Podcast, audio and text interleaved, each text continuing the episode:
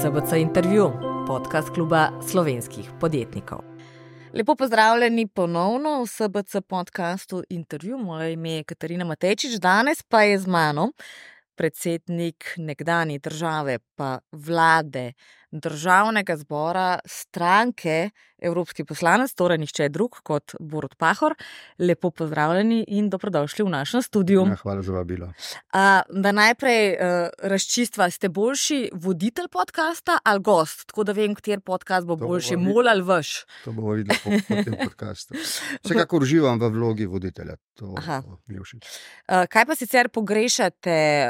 Um, kamere, pozornost, varnostnike v končni fazi, bili ste navajeni živeti uh, non-stop po nekem svojem žarometu, zdaj je tega manj, pogrešate to? Ne, nič od tega. E, edina stvar, ki jo pogrešam, so ljudje, ampak uh, imam toliko vabil, da sem hvaležen za nje, da se z njimi dovolj srečujem doma v tujini. Tako da uh, imam še vedno ta živ stik z ljudmi, z njihovimi čustvi, skrbmi, strahovi, upanji. Uh, tudi na številne prireditve sem vabljen za govornika. Tako da je to ta del življenja pester, da bi pa pogrešal palačo, institucije, pristojnosti, varnostnike, kot so pomenili. Prav, prav nič od tega. To je za me na nek način majhno presenečenje. Ne morem reči, da sem bil čisto brez skrbi, ko se je zaključovala 32 let dolga karijera, ali jo bom pogrešal ali ne.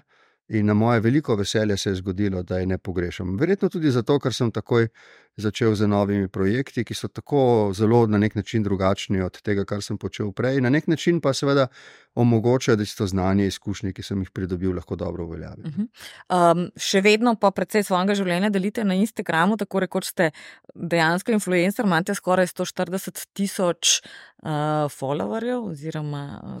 Ja, jaz sem razmišljal o tem, da bi na nek način morda nekatera socialna omrežja po koncu karijere tudi ugasnil. Že v času politične karijere nisem skrival, da je šlo tukaj najprej predvsem za propagando se pravi za političen interes. Potem sem se spraševal, ali bi mi to utegnilo priti prav tudi kasneje.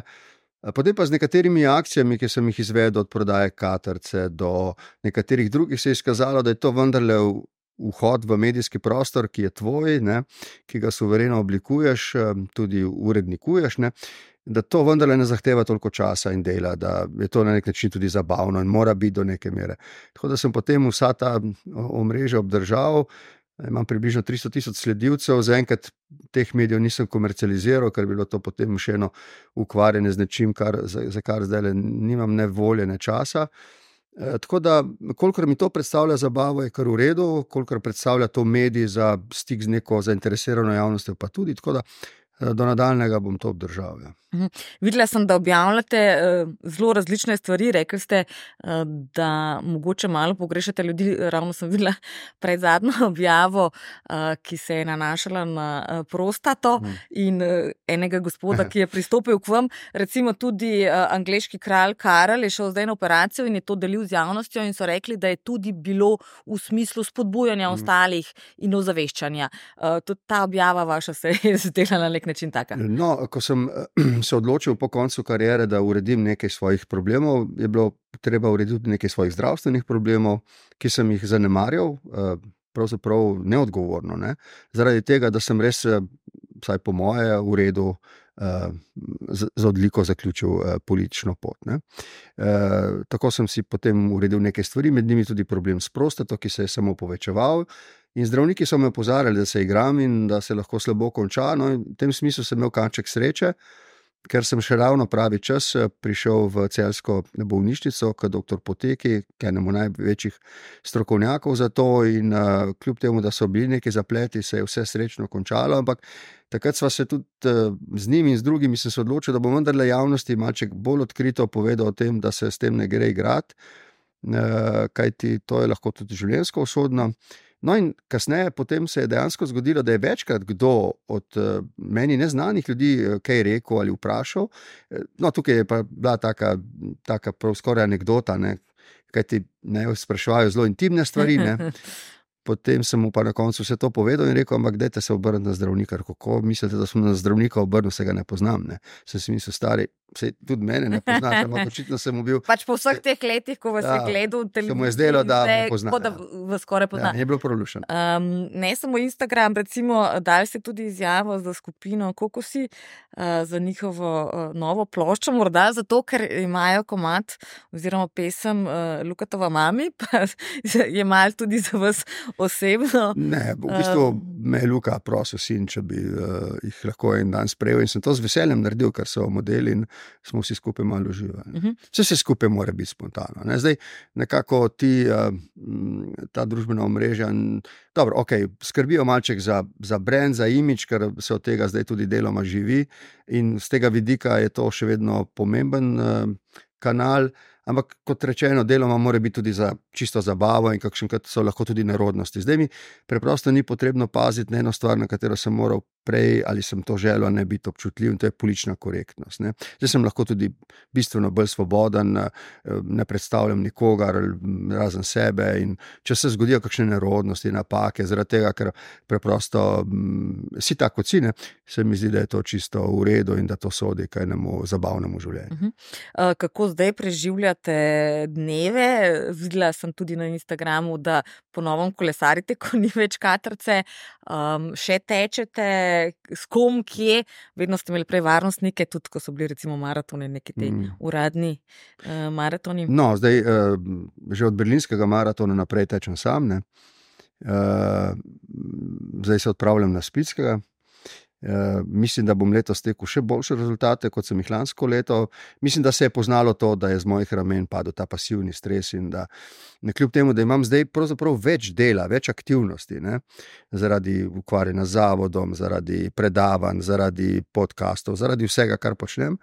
Uh, kljub temu je seveda manj tega stresa, ki je prej bil, ga nisem niti opazil. Ker, ko vi postanete v politiki in tak profesionalc z dolgo kilometrino, se nekako ta stres naloži na ramena in to nosite, ne da bi vedeli. Ne.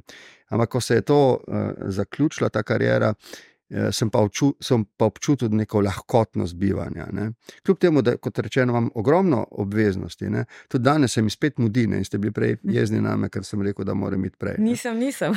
ja, uh, in, uh, ampak to delam, prvič delam rad in ko jaz delam nekaj rad, delam lahko zelo veliko in uh, me to ne, uh, me nekako ne trpinči, ampak me veseli. Hm. Uh, rekli ste, da ne pogrešate uh, predsedniške palače, pa vendarle, greste še kdaj tja, greste na obisk bivšim sodelavcem, ne vem, pozdraviti svoje tajnice, uh, ne vem, protokol, kaj je svet. Ne, to, to, seveda so neke geste v življenju, ki ostanejo.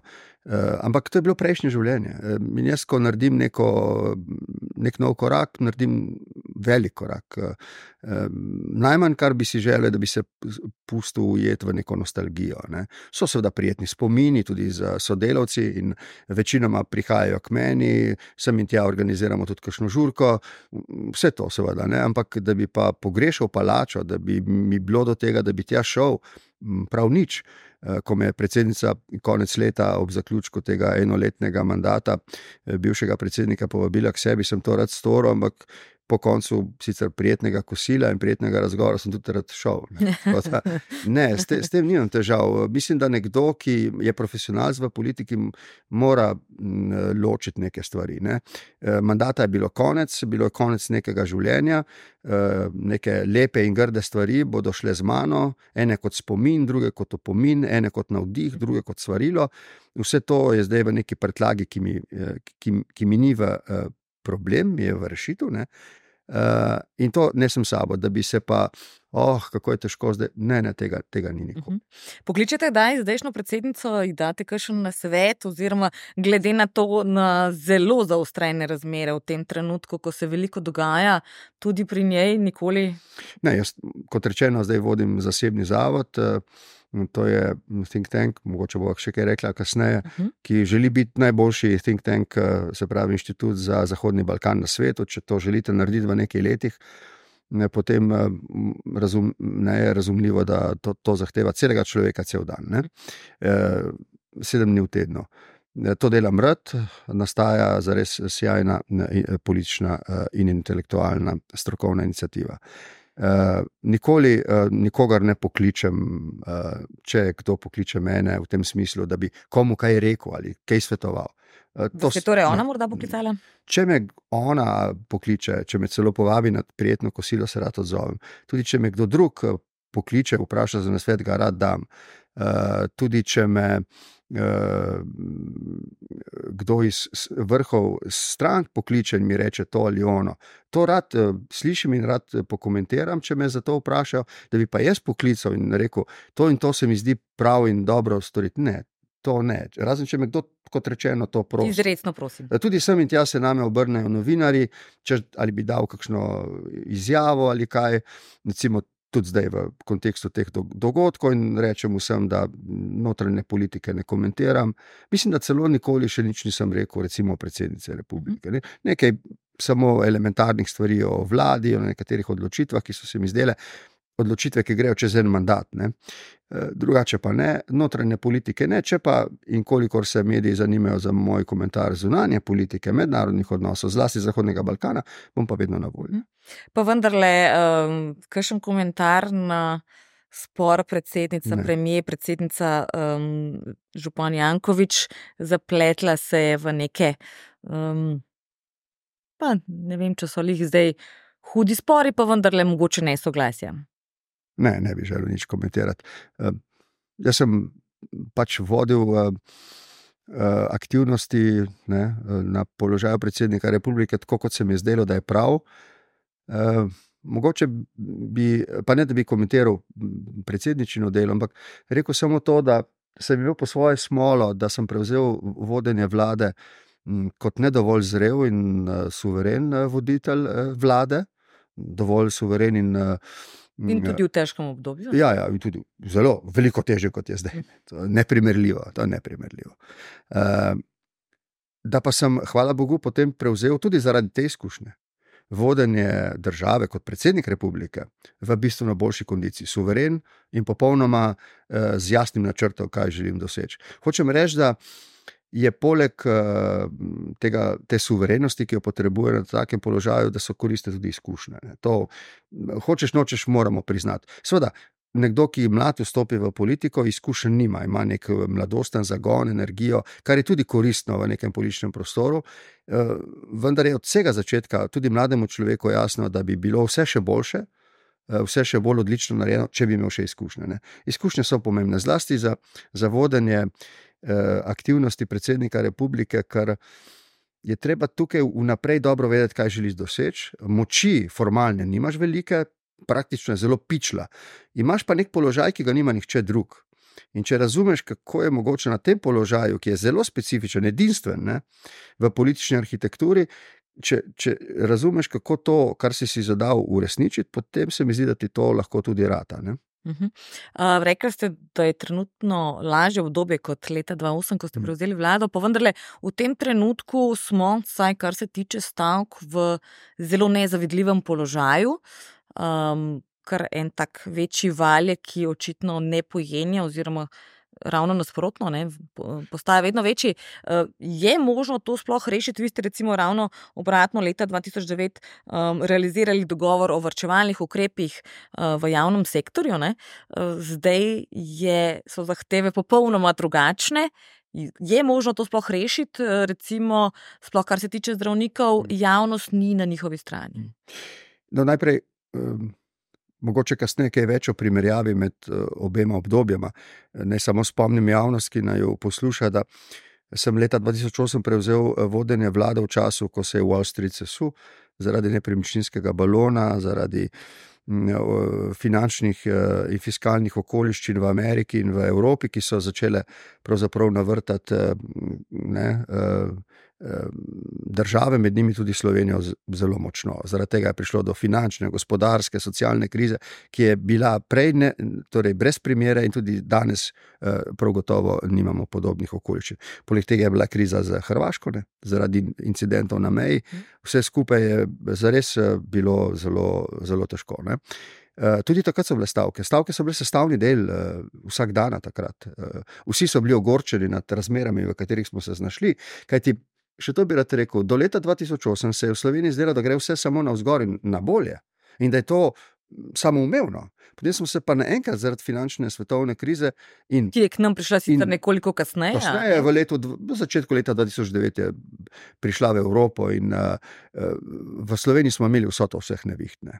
Zaradi uh, rekel, nespametnega zadolževanja. Ne. Recimo, vaš takratni finančni minister ni čisto res verjel, da smo v tako veliki krizi. Ne, od začetka ne. ne. Jaz sem želel verjeti, da ima prav, pa se je izkazalo, da nima. In uh, smo imeli na nek način srečo, da je bil tam tudi Mitja Gaspar in da smo imeli uh, pametne ljudi za svetovalce, ki so nam hitro nalili čistega vina in smo se mogli zelo hitro postaviti na realne tla. Ampak da ne greva nazaj, ostaneva pri sedanjih razmerah. Najprej, glede vlade, me dosti krat vprašali, ali je mogoče, da bi regenerirala svojo avtoriteto in zaupanje. To je težko, zlasti, ker smo že na polovici mandata, ni pa ne mogoče, je pa en pogoj. In to je, da vlada pravzaprav spremeni javno polemiko. Zdaj se v javnosti vrstijo polemike o manj pomembnih zadevah, eh, od afer do drugih stvari, ki na nek način poglabljajo nezaupanje do vlade. Če bi pa vlada prišla z nekaterimi reformami, kot je obljubila zdravstveno ali recimo pokojninsko, davčno, kot jo napoveduje, potem bi zaposlila javnost čisto drugimi eh, problemi. Temami, Seveda, tudi o njih bi bila polemika. Samo toliko pa poznam slovence, da nekaj vem. Slovenci um, imajo raje mir kot polemike, ampak če so polemike politične, razumejo, da morajo biti, ker imamo demokratični sistem in je tudi v redu, da pride tudi do ostrejših besed, samo če pod pogojem, da se pogovarjamo o smiselnih problemih. To, kar se dogaja zdaj, da se kregamo o nesmiselnih, to pa gre slovencem zelo na živce in to se bo poznalo vsem, ki imajo karkoli opraviti v politiki. Uh, Zdi se mi, da se gleda na, na stavkovna gibanja v uh, sodniški ali zdravstveni ali drugi sferi preveč parcialno. Tukaj se mi zdi, da, in to je vse, kar bom rekel, bi vlada potrebovala verjetno zdaj en celovit pogled, kaj želi doseči s plačno politiko v javnem sektorju in potem uh, tako tudi voditi vse aktivnosti. Zdi se mi, da vlada zdaj razume, da verjetno ne sme ali ne želi popustiti enemu od sindikatov, eni od sfer, ker bi to pomenilo v bistvu potem. Tor, da se ja, grejo na oko, vsi ostali. Ja, ne? Eh, neko politiko domin, ampak bo pa morala tudi zajeziti na nek način to širjenje nezaupanja, in to, to je umetnost mogočega. Tako da ne bi želel vladi zdaj svetovati, so ljudje pametni, oni sami morajo pogruntati, kako bodo to naredili. Ampak, če se na nek način to ne bo zaustavilo, bo prišlo do problemov. Najbolj se mi zdi sporno to, da je vlada tako pohodila odločbo ustavnega sodišča. No. To, to se mi zdi, da je zelo delikatno, ker na koncu koncev ta vlada je prišla za obljubo, da je pravni red nekaj, kar je sveto. Ne. In tukaj gre za odločbo ustavnega sodišča, ki je poleg tega še smiselna. Mi ne imamo sodnike radi ali ne, oni so tukaj. So Pomembni so, morajo biti samostojni, ne more ena veja oblasti določati nečesa, kar lahko omejuje svobodo njihovega dela, Ustavno sodišče je zato poseglo vmes, naložilo vladi odločitev. To, da vlada tega ne razume, je resnejši problem kot recimo zaostrovanje odnosov v eh, zdravstvu za stavko Fidesa. Mm, tukaj bi bilo fajn, če obe strani razumeta, da se to dogaja na plečih eh, pacijentov. Eh, ampak zdi se mi, da je premalo volje na obeh straneh, da bi prišli do dogovora. Pričemer, ne da bi podpiral ali ne podpiral stavko Fidesa, moram reči, da je vlada dala neke obljube. In uh, mogoče bi v pogajanjih, ker so se zdravniki tudi pogajali leta 2010 in 2011 za zdravstveno reformo, ki je bila potem pripravljena, ampak je vlada prepadla. Vem, da uh, uh, je z njimi težko. Vendar se zelo pomaga, če ste nikoli iskreni. ni bilo lahko. Ja, nikoli ni bilo lahko in tudi nikoli ne bo. Tukaj bi pomagalo, če bi vlada priznala, da ni izpolnila obljube. Ne. To, da vlada glede tega ne, daje glavo v pesek in se dela, kot da ne razume, zakaj so, zdravniki stavkajo, ni, ni fair. Ne. Mhm. Zdravniki stavkajo zato, ker vlada ni izpolnila obljub. In zdaj v teh situacijah, ko vem, da vlada ne želi dati. Neke podpore enemu sindikatu na račun drugega, recimo sindikatu eh, zdravnikov na račun sindikata v vzgoji in izobraževanju, recimo, ne, bi razumel, da Eh, to lahko stori pod pogojem, da reče: Oprostite, ne, v Fidesu. Eh, dali smo obljubo, ki je ne moremo izpolniti. Dajmo videti, kako se da drugače urediti stvari. Kako pridemo skupaj. Še enkrat je treba biti samo malček bolj uh, diplomatski. Diplomatski pa iskren, ne reči: V redu. To, ta obljuba je dana prehitro in brez glave. Ampak zdaj razumite, nas eh, hočemo urediti cel sistem tako, kot eh, se nam zdi, da bi bilo prav. in potem dobiti podporo sindikata. Ne smete, veste, dati sindikatu uh, tega privilegija, da ga pravzaprav razjezite zato, ker nočete priznati, da ste storili no, napako. v pogajanjih. To, ko gre za, za velike stvari, uh, se. To pa si upam reči v diplomaciji, v politiki, domači in zunani, izplača, da takrat, ko je zelo težko, ne, eh, da se pravzaprav zanesete na iskrenost. Mm. Eh, Ampak zdi se, da se vlada bolj kot vsem ostalim in sploh reformami ukvarja sama sabo, ogromno odstopov, ne? tudi prejšnjega ministra za zdravje, pa ministrice za javno pravo, ki bi se morala s tem ukvarjati. Uh, interpelacije, dve ministrici sta tako rekoč z eno nogo Mhm. že na drugi strani. Um, Pa nismo niti še na polovici mandata. Vi ste imeli tudi kar nekaj odstopov, uh, tri interpelacije in pol, ne, ker uh, ena tik uh, pred tem, da bi bila, pa potem zaradi odstopa ministra ni bila. Um, to je v bistvu za tako kratko obdobje, torej manj kot dve leti, zelo veliko. No, ampak tukaj z odgovorom na to vprašanje bi, bi sklenil moje komentiranje Mhm. notranje politike, nisem za to poklican. E, samo še ena razlika med časom takrat in danes. Takrat so bili referendumi, danes jih nima vlada. Ne. To je bilo No, je imela, pa so, je bil trojni uspešen, no, no, vi ste bili trojnega ampak, eh, neuspešnega. Referendumi o, o, o vprašanjih, o katerih zdaj recimo referenduma ni mogoče imeti. Ne. Takrat pa so bili eh, pravzaprav tisti, za katere se je opozicija odločila. Ne. Eh, Da ne govorimo o referendumu, o arbitražnem sporazumu, ki smo ga skupaj eh, rekli, da je potreben. Ne. Kadarkoli potem referendum ni bil uspešen, je bila interpelacija, kar se je vprašalo po odgovornosti ministra, ki ni prepričal javnosti za reformami. Ne. Ampak, da odgovorim na vaše vprašanje, ki se mi zdi pomembno. Eh, Tudi, če bi imeli še več eh, interpelacij in še več odstopov, če bi bilo to povezano z uveljavljanjem neke politike, potem je to čisto druga stvar, kot če je to stranski produkt odsotnosti politike. Če me razumete, kaj hočem reči. Me razumete? Ni nekih projektov, za katere bi javnost vedela, to in to želi vlada doseči, ker se ne strinjamo, rušimo ministre. Ampak ni tega, ni strinjanja ali ne strinjanja, ker ni pravzaprav politik, ni.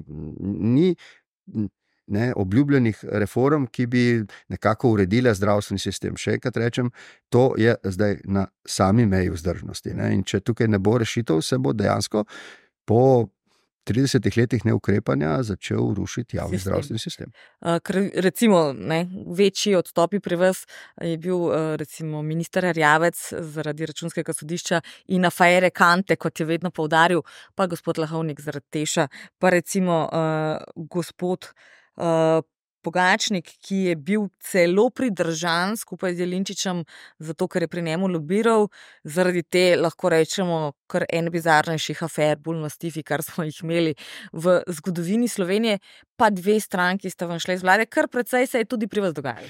Ja, gotovo. In eh, tudi eh, veliko eh, teh problemov je bila posledica mojih napačnih ravnanj ali presoj. Tega nisem nikoli skrival, napačnih presoj ali ravnanj ministrov in vlade. Ampak večinoma, ne, je, in to je samo poslabševalo nezadovoljstvo in nezaupanje do vlade, gotovo. Ampak ma- marsikaj je bilo povezano tudi s tem, ker smo poskušali neke stvari spremeniti in uveljaviti, za kar nam je šlo, in je to seveda tudi po svoje netilo neko nezadovoljstvo. A veste, če je v politiki nezadovoljstvo re- rezultat različnih pogledov na pomembne stvari, to ni nič narobe. Tudi če padajo ministri, tudi če pride do interpelacij, to je politika, to je način, kako se neke stvari odločajo in urejajo.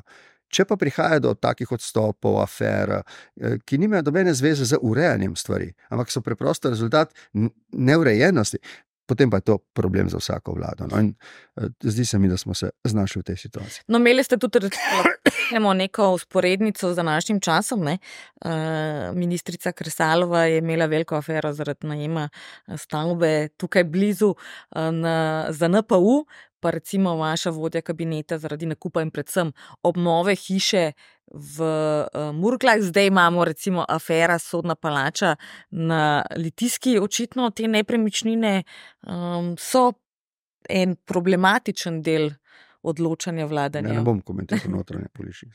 Kaj pa te afere vaše, ki so bile v tistem času, torej Takrat smo jih eh, NPU? pojasnili in eh, zato nosili tudi politično odgovornost. Ste takrat imeli težave z iskanjem novih ministrov? Nekako se zdaj zdi, da No, nekako premijer golob težko dobi nekoga novega. Ne? Kar nekajkrat je čakal tik do konca izteka roka, ko je mogel predlagati nekoga novega. Ste imeli vi takrat manj problema, nekako Proti se je zdelo, koncu da je že, seveda, ampak to je bilo seveda normalno, m, zaradi nestrinjanj s celo vrsto stvari, ki smo jih počeli, so počasi eh, začele tudi stranke zapuščati koalicijo, in na koncu je bilo seveda zelo težko eh, dobiti kvalitetne ministre, in ne nazadnje do nezaupnice je prišlo prav pri mojem predlogu za tri nove, eh, ti niso dobili podpore in tako je vlada padla. Če zdaj pogledate nazaj, katera afera od teh, ki so jih naštela, je recimo najbolj zaznamovala uh, to vaše triletno obdobje, je bil to tež, so bili mul- bolj mastifi. Kaj, kaj, če zdaj pogledate nazaj, to je deset let več, neke druge perspektive za nazaj, vedno lahko biti pameten, pa vendarle, kaj, kaj se je vam izdelo, da je mogoče najbolj obremenilo vlado takrat? Ja, ne vem, mislim, da je bil sklop takratnih uh, okoliščin tako uh, kompleksen, da je vse, uh, kar se je zgodilo, je bremenilo vlado. Vse. Nič ni bilo nepomembno, vse jo je bremenilo. Ampak očitno ne dovolj, da, v, da ne bi potem uh, bili dvakrat izvoljeni za predsednika, torej vam ljudje tega nekako niso zamerali. Tudi sami ste rekli, da raje vidite, da vas kličajo Barbi oziroma Barbika, kot uh, da bi bili uh, Baraba. Ne, baraba ne? Um, se vam torej zdi, da vam vseeno to ni sledilo? Ne, gotovo so si ljudje zapomnili, da to ni bil lep čas. Da... Zapomnili so pa tudi, da nikomor, tudi meni, ni bilo lahko voditi vlado v tistem času. Mm, Neke stvari smo uredili, vendarle, in to paradigmatsko, danes so odnosi s Hrvaško v redu in uh, brez uh, uh, takih uh, problemov, kot smo jih poznali takrat. Uh, gospodarska situacija se je iz rdeče. Pomaknila v zeleno, uh, gospodarska rast se je vrnila, vstopili smo v OECD, bili so tudi uspehi. Uh, sprejeli smo spravno zakonodajo, takrat je odmevala huda jama, ne smete pozabiti tega. Uh, bilo je potrebno septembra leta 2009 uh, iti tudi za paketom zakonodaje, ki je naslavljal te probleme. Uh, Ampak, ko sem se odločil za predsednika republike, sem najprej to dobro in slabo tudi priznal, ni mi bilo težko, vsem je bilo jasno, kaj in kako. Povedal sem pa tudi, da kandidiram za drugačno politično vlogo, kot sem imel, in da sem na to bistveno bolj pripravljen, vem, kaj želim in bom to tudi dostavil. In to sem v desetih letih tudi izpolnil. Uh -huh. um, za katero reformo vam je žal, da jo niste takrat izpeljali, prej ste omenili, recimo zdravstveno, in jo mora tudi zato zdaj vlada ta, ker ja. nikoli od takrat naprej ni bilo res nekih korenitih sprememb, ne na davčni strani, ne na pokojninski, nikakor pa ne na zdravstveni. Katero bi bilo dobro, da bi jo vi izpeljali, pa je danes morda zdajšnja vlada ne bi rabila? No, uh, jaz sem naredil eno napako, tako veliko, ki, uh, iz katere sem se veliko naučil. Uh, tam leta 2010, po referendumu o arbitražnem sporazumu, ko se je torej po letu in pol mojega zelo aktivnega in osredotočenega ukvarjanja za Hrvaško, zdelo, da je ta zdaj končno naposled ta problem za nami in da se lahko posvetim tudi drugim. V tem času so ministri na moj predlog pripravili tudi cele svežnje sprememb, strukturnih reform, reform. Uh, in moja napaka je bila, da sem vse odobril in uh, z vsemi šel naprej. To je bila velika po, strateška politična napaka. Namesto da bi rekel, gremo zdravstveno reformo, morda še s pokojninsko in samo s temi dvemi, smo šli še z celo vrsto drugih sprememb od trga dela, da ne omenjam drugih. E, to nas je pripeljalo v položaj, ko smo si preprosto odprli preveč front in nismo znali več e, potem teh front zapirati. Zdravstvena reforma, recimo, je bila, po mojem, zelo kvalitetno pripravljena. Mi smo pripeljali pogajanja z zdravniki, na koncu, ne vem, če se spomnite, sem jih tudi jaz osebno vodil. Ne. Prišel je do zamenjave namreč ministra, se spomnite, uh -huh. prejšnji se je umaknil, prišel je novi. Uh, ta zalogaj, ki ga je čakal, je bil tako strahovito velik, da so v enem trenutku prevzel tudi jaz neposredno vodenje pogovorov. Takrat so zdrav, stavkali zdravniki, uh, vseh sort je bilo, medicinske sestre, vse je bilo okoli. Uh, in to tudi ni bilo čudno, kajti mi smo pripravili dva zakona spremembe zakona o zdravstveni dejavnosti, gre za mrežo in tako naprej, da ne bom šel v podrobnosti. To je bila pomembna reforma, smo jo, za katero smo pripravili predlog, in druga je zadevala zdravstvo, torej zdravstveno zavarovanje. Tudi zdaj, ne, ne, zdaj ne. Ja, ne, da bi, ne, da bi karkoli komentiral sedanje razmere, ne rečem, da uh, dokler uh, politika ne bo na novo definirala zdravstvene košarice, ne? košarice dobrin. Ni, ni, mogo, pravic, ja, ni mogoče narediti koraka naprej. No, mi smo takrat to naredili. Ne? In uh, seveda je to povzročilo strašen seveda, odmev. Uh, in ker sem jaz hkrati prišel, pa, če se spomnite, zdravstveno reformo, spokojninsko reformo, spremembo trga dela in še s čim. Pred parlament, to je bil res, tudi zaradi že počasnega sveda, eh, erodiranja vladne koalicije in zaupanja, to je bil, eh, to je bil upor. Ne. To je bil upor, to je bila moja napaka, da sem takrat pravzaprav eh, napotil ministra na to, da gremo vsi vsemi reformami naprej. Če bi jaz takrat izbral, izbral samo pokojninsko, bi, bi morda to šlo skozi parlament, potem je padla, na, kot veste, na referendumu. Ne. Ampak ne, ironija v politiki je bila, da je leta dni kasneje bila točno ta reforma sprejeta. Ne, je predsednik Janša svojo vlado točno, praktično brez spremembe, eh, sprejel ne, v parlamentu. Zdravstvena reforma je bila tam, ampak eh, poslanci pred volitvami niso več hoteli mm. slišati mm. o njej. Uh, mi je pa žal, da ni šla naprej, kajti tam je bil nek sklop nekaterih uh, prevetritev. Uh, v bistvu je se minister ne takrat. Uh, boril za to, da bi rekli ne zdravstvena reforma, ampak nadgradnja zdravstvenega sistema. Jaz sem rekel, v redu, reči, kar hočeš, ampak mora biti take spremembe, da naredijo prvi zdravstveni sistem vzdržen, z finančnega in uh, z drugih kadrovskih in drugih vidikov, ter da je konkurenčen. Ter da je konkurenčen. Ne, to je bila nova beseda v zdravstvu. V zdravstvu Mora biti konkurenčen. Ne. Eh, ne na zadnje, takrat so prihajale, začele prihajati evropske direktive, ki so spremenjale okolje zdravstvenih sistemov, in tukaj se Slovenija ni prilagodila. In, eh, in še danes. Zdaj ne samo rečem, želim vsem, ki imajo opravka s tem, da imajo voljo in pogum in da predvsem jasno vedo, kaj želijo. Ker ni enostavno zdaj le vedeti, kaj je potrebno spremeniti in kako v zdravstvu, da ne bi naprej razsuvali sistem, ampak da bi ga počasi spravili skupaj in zgradili. Ne. In tukaj moram reči, da brez zaupanja deležnikov, ne, tudi zdravnikov tudi medicinskega osebja, ne? ker to so vendarle ljudje v sistemu. Ne, ne bo šlo ne? in tukaj jih je treba pridobiti, kako bi rekel, na svojo stran. Ne? Uh, in še enkrat rečem, po mojem, z iskrenostjo, biti iskren. Uh, znašli smo se v težkem položaju, zdaj si moramo vzajemno pomagati, nihče ne more dobiti na račun drugega, da imamo poiskati morda manj agresivne rešitve, ampak morajo pa biti dovolj velike, da, da bodo omogočale, da javni sistem ostane. Mhm. Rekli ste, e, šli smo mi naenkrat s preveč reformami, točno to je obljubila tudi ta vlada. Ne? Tako zdravstveno, davčno, pokojninsko, e, javnega sektorja. In to zelo na glas je obljubljala, zelo malo je bilo narejenega. Katera med njimi je tista, za katero mislite, da je dejansko jo treba do konca zdravstvena? Ja, zdravstvena reforma je neizogibno potrebna, ker eh, sicer lahko tvegamo.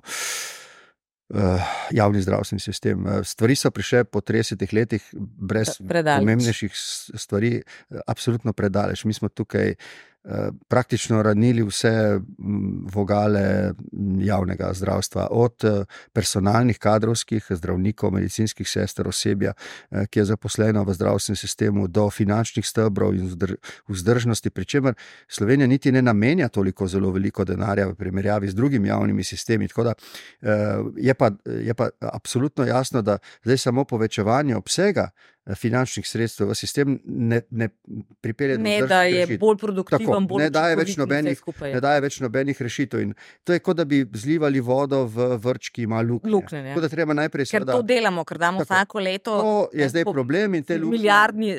Te luknje, ki so pač strukturni problemi, je treba na nek pameten način zakrpati. Priznam, da je to zelo, zelo težko delo.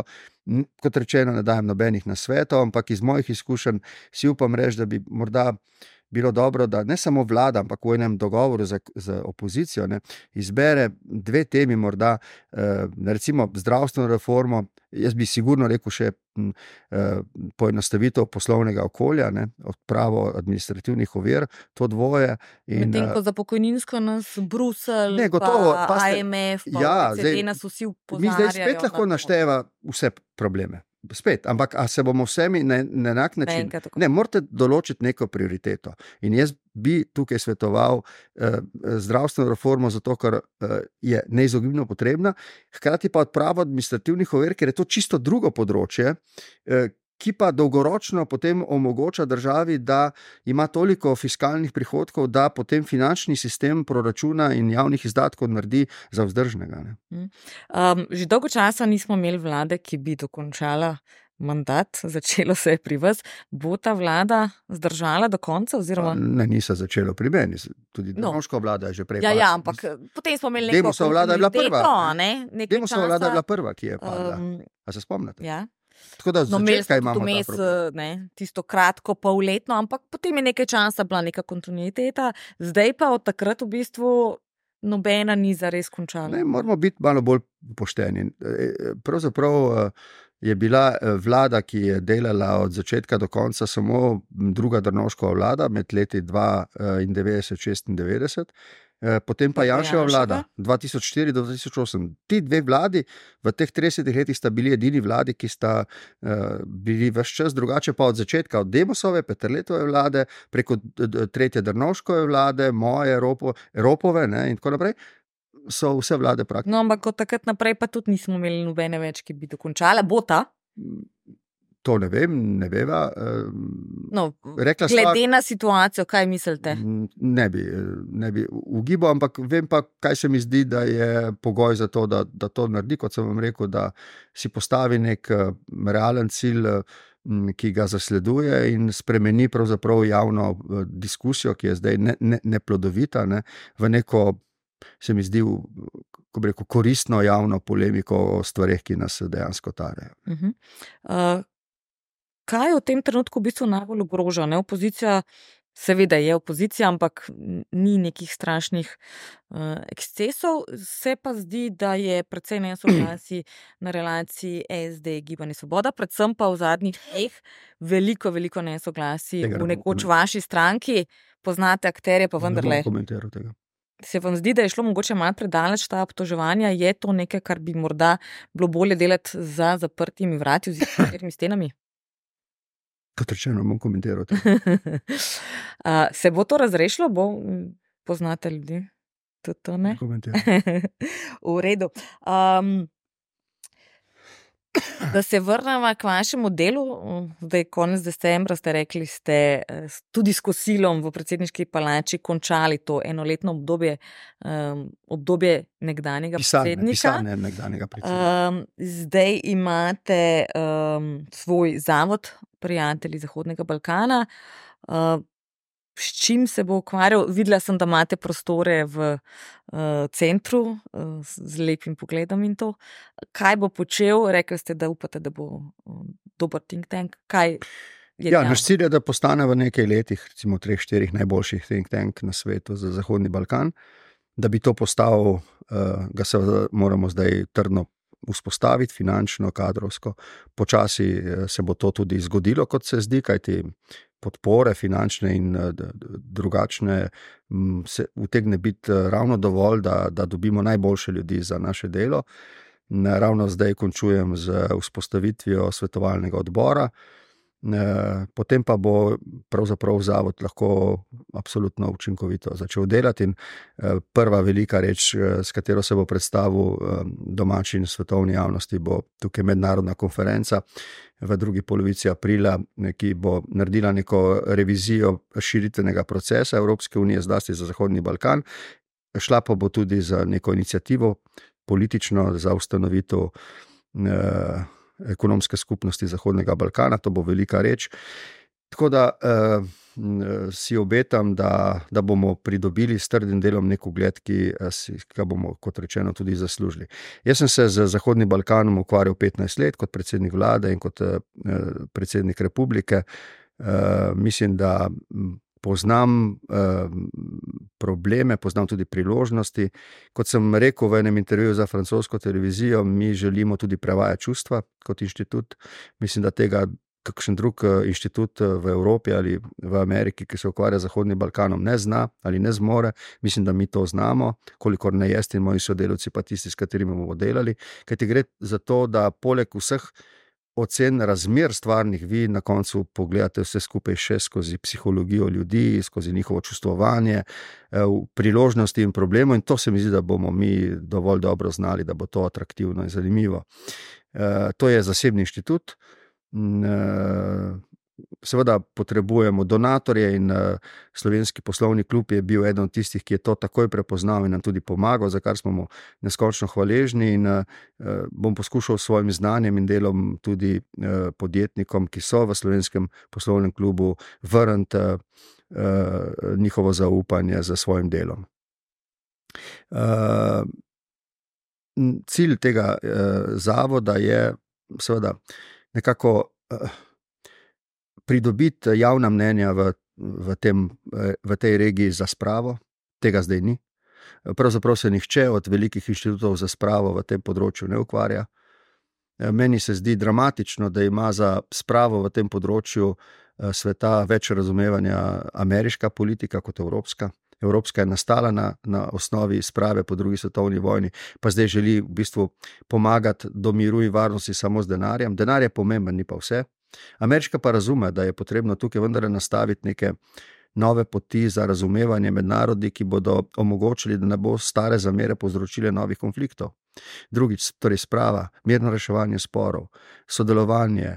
Eh, kot rečeno, gospodarsko in politično. Tukaj se mi zdi, da lahko naredimo marsikaj, vse pa zato, da bi ta cel prostor pristal v Evropski uniji uh -huh. čim prej. Uh, kaj so v tem trenutku glavni izzivi Zahodnega Balkana? Trenutno se zdi na srečo, da je tam malo manj problemov, seveda, če pogledamo zdaj. Ja, ampak primerjavi z Ukrajino in Ukrajino, pa, pa Bližnji vzhod, pa Rdeče morje, Am. pa Tajvan, pa letos eh, pol. Uh, Zemlje gre tako rekoč na volitve, stvari se lahko precej spremenijo. Ne? Tudi Amerika. Nekako se zdi, vojen, da je ne? relativno mirno na Zahodnem Balkanu, seveda, hvala Bogu. Mi imamo 55 vojen v, v tem trenutku na svetu. Uh, Uh, imamo dramatično zmanjšanje zaupanja v mednarodni politični in eh, pravni sistem. Uh, imamo povečanje nezaupanja med dvema glavnima političnima in gospodarskima ter vojaškima silama, Washingtonom in Pekingom. Uh, hočem reči, da je cela vrsta okoliščin, zaradi katerih moramo biti bolj zaskrbljeni, kot smo sicer.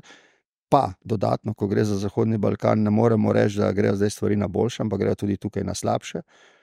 Mm, cela vrsta razlogov je, zakaj se to dogaja, ampak predvsem moramo razumeti, da grejo na slabše. Da zdaj tam ni mir in varnost in bo tako ostalo, tam, tudi tam utegne iti stvar v napačno smer, če ne bomo dovolj hitro reagirali. Reagirali pa nekaj raz, načinov, kako sem povedal prej.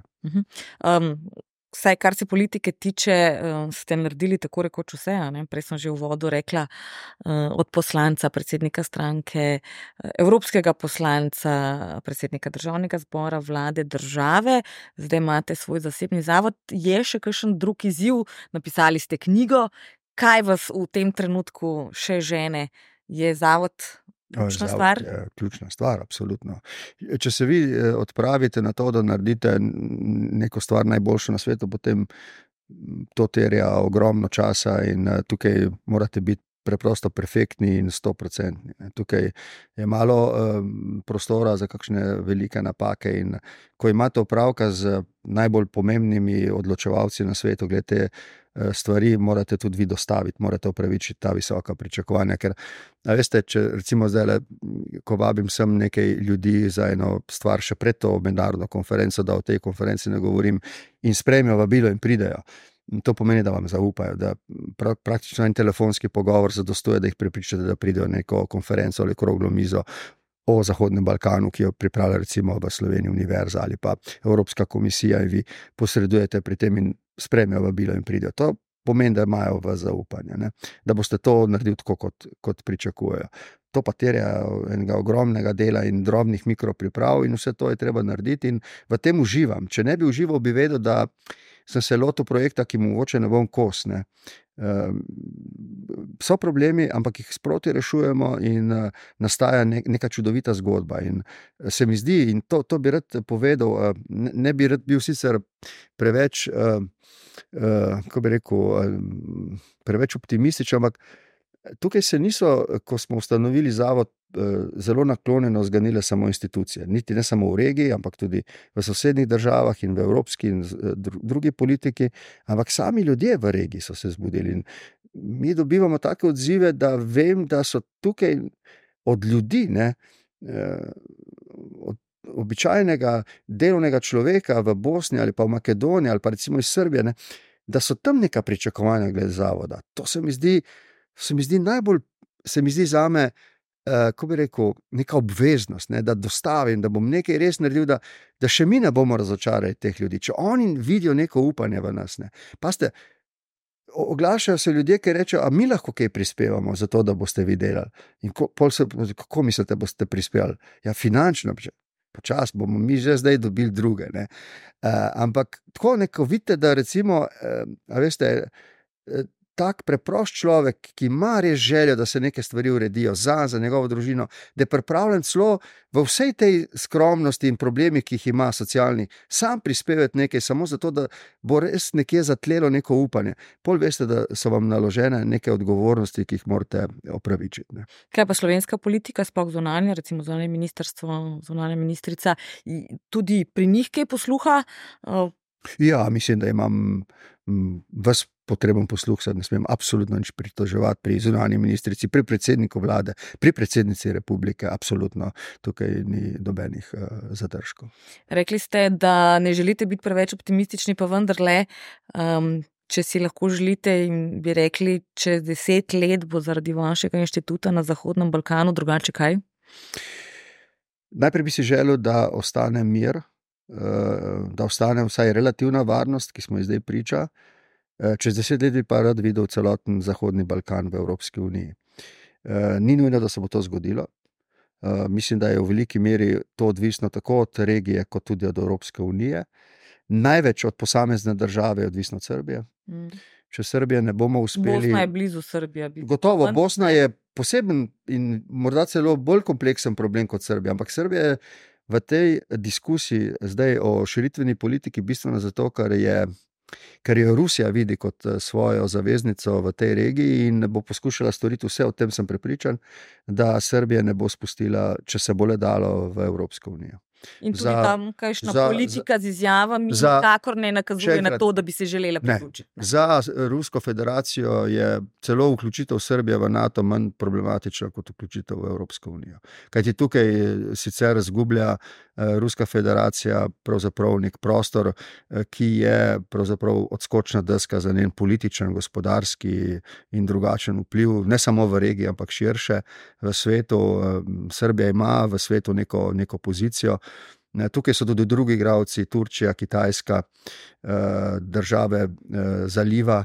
Eh, v tem smislu je Srbija tukaj ključnega pomena in zdi se mi, da se evropska politika ta hip najbolj ne znajde v odnosu do Srbije. Po eni strani bi jo rada imela na svoji strani, po drugi strani zelo rada kritizira Vučičev sistem, tudi upravičeno, ampak ne morete, tudi Evropska unija ne more sedeti na dveh stolih in reči, mi smo zelo nezadovoljni z srpsko politiko, ampak po drugi strani pa jo želimo imeti v Evropski uniji.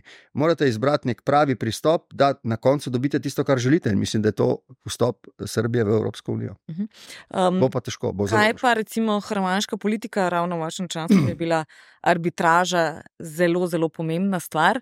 Um, kakšni so zdaj odnosi recimo s Hrvaško? Tega dela nikoli nismo zares dokončno rešili. Ne? Ja, ampak eh, ko danes pogledam, ne me razumeti napačno, eh, to spremembo, ki je nastala po arbitražnem sporazumu in to na boljše. Eh, ne me ne robe razumeti, ko pravim, v redu, vprašanje meje še ni dokončno uveljavljeno, zato ker ni pač ne, meddržavne komisije, ki bi določila mikropotek meje na terenu, na morju je določena. Ampak z odločitvijo sodišča je meja določena. Zdaj ni označena ne, v naravi, ampak to se bo enkrat zgodilo, ko bojo prave okoliščine.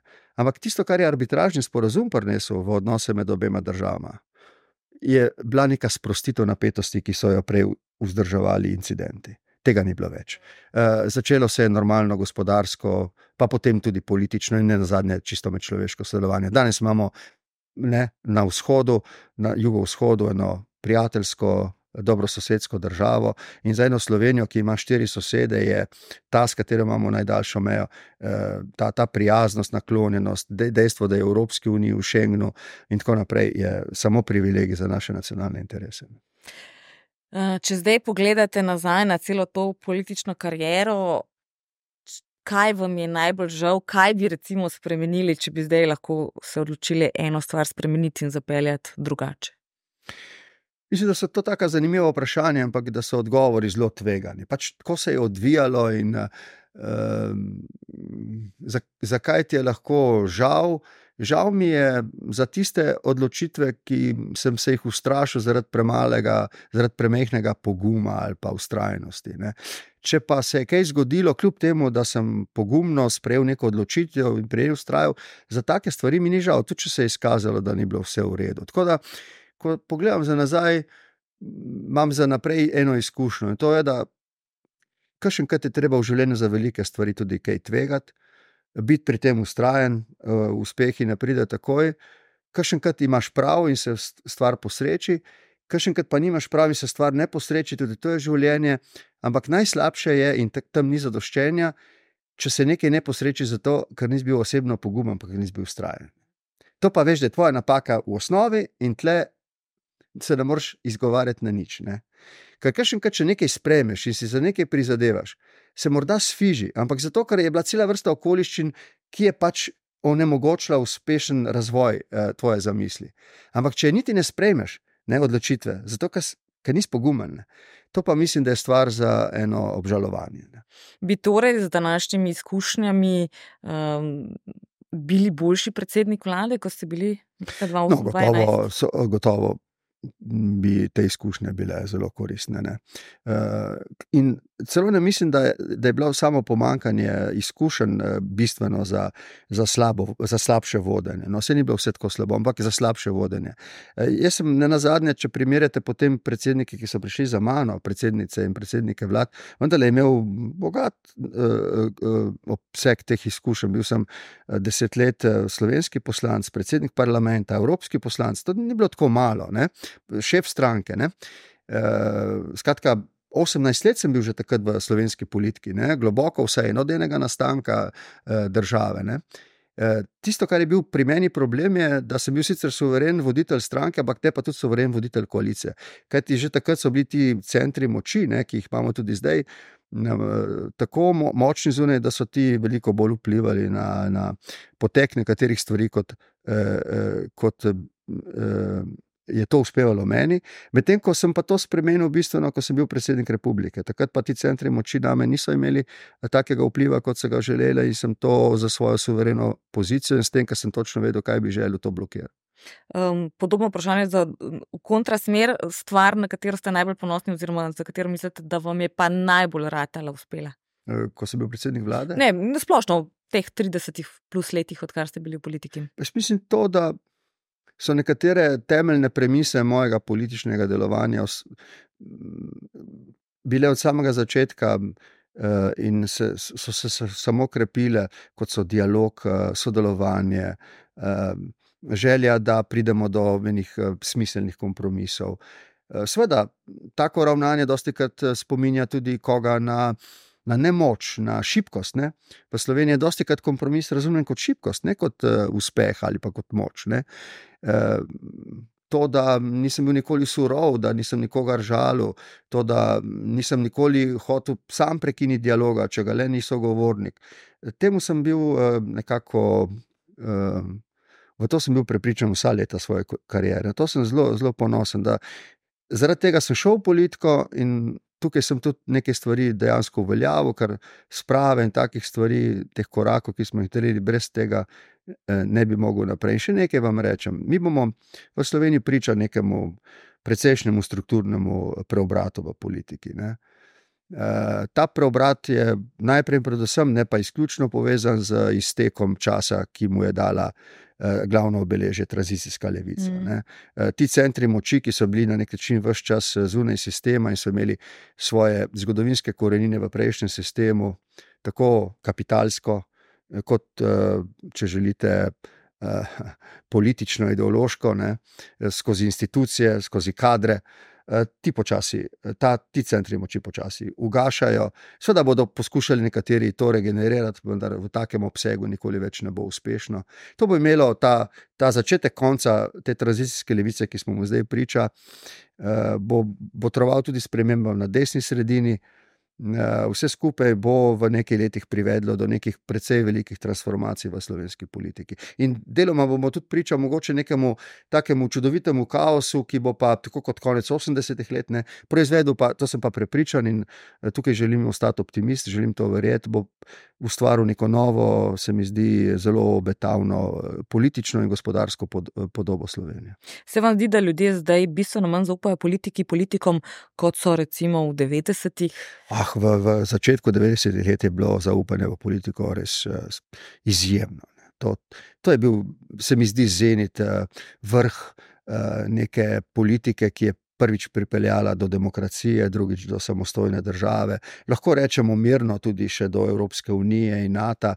Teh čudovitih 15 let, ne, od 89 do, do 2004, teh čudovitih 15 let je z vidika zaupanja v politiko težko ponovljivih. Ne. Politika je takrat, ne glede da je delala veliko slarije, napake, afere, vseh sort, ne, ampak je, javnost je bilo jasno, zakaj gre.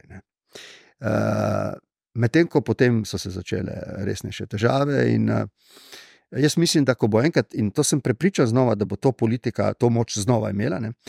Ko bo stopila pred ljudi in rekla: Glejte, v tej situaciji smo se znašli, ampak to je zdaj naš cilj.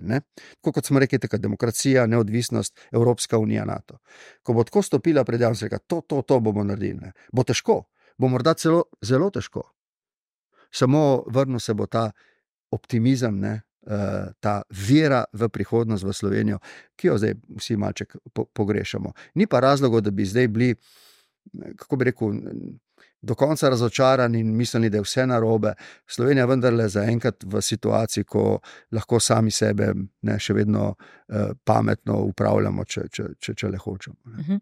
Eh, pred kratkim je psihiatrinja eh, dr. Breda Jelen Sobočan rekla, da je vaša izjava, to mi dela je Miška Mala, bila um, v bistvu zelo slaba za, za politiko in politike in da je šel s tem naš politični kapital od te izjave samo še navzdol.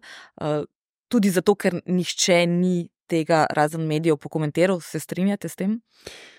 No, ne vem, če je imela tako dramatičen učinek, nikoli nisem imel občutka. Je pa bila nek, nek, nek sin svoje dobe, neke dobe, ki se je takrat zaključovala. Ne. Ona je rekla, da je bila s tem storjena neprecenljiva škoda politiki na splošno. No. Jaz ne mislim, da je bilo tako strašno hudo, gotovo ni bilo dobro, zato sem se tudi opravičil, da bi dajal pa temu tako dramatične razsežnosti, pa ne bi. Torej, ni to krivo za nezaupanje v tem trenutku. Uh, Mislim, da so drugi bolj. bolj. Ne podcenjujem pomena te izjave, kot rečeno, je nekako bila ta ne, neprimerna izjava. Nek zadnji resentiment nekega časa, v katerem je bilo mogoče še kakšne stvari reči, ki zdaj niso primerne. Da, Se pa dan danes, recimo na raznih omrežjih in podobno, reče veliko stvari, ki se jih včasih ni, ne? vse naveljalo, da je. Politik, ja, ja. Nek, nek gospod, ki ve, kaj govori, torej, in zdaj ne, ne napiše, kar mu pade na pamet. Pišemo v knjigi, ne gre samo za socialna omrežja, gre sicer za javno razpravo v demokratičnih družbah. E, ta politična korektnost, ne, ki se je. Se mi zdi spridila v zadnjih eh, desetih letih, petnajstih, v evropski in tudi zahodni politiki, do tudi te mere, Trump da je postala podcukrana. Ja, podcukrana. Uh, za, ja, preprosto ni več postala verodostojna. Ta jezik je sicer postal bolj olikan v establishmentu, ampak je postal neiskren. To je od izkoristil tisti, ki je bil zunaj establishmenta in proti njemu, ne, in je vrgel rokavico politični korektnosti ne, z drugačnim načinom komuniciranja. In danes žal, ne, ljudje te, te komunikacije bolj uh, zaupajo in v svoji knjigi pravim, da je to mogoče na dolgi rok rešiti samo za eno preobrazbo tudi liberalne politike, ki mora razumeti, da ta starodavni, presežen model politične korektnosti ni več, uh, uh, kako bi rekel, ne samo v modi, ampak ni več produktiven, ker je načel bistvo demokracije, to je pa svobodo besede. Mhm. Najlepša hvala za vaš čas, seveda vse dobro in uspešno z vašim zavodom. Hvala. In še enkrat hvala. Hvala vam. To je bil uh, še en SBC podcast intervju, tokrat z nekdanjim večkratnim predsednikom Bortom Pahorjem. Vabljeni k ogledu, poslušanju in pa seveda srečno do naslednjič. SBC intervju, podcast kluba slovenskih podjetnikov.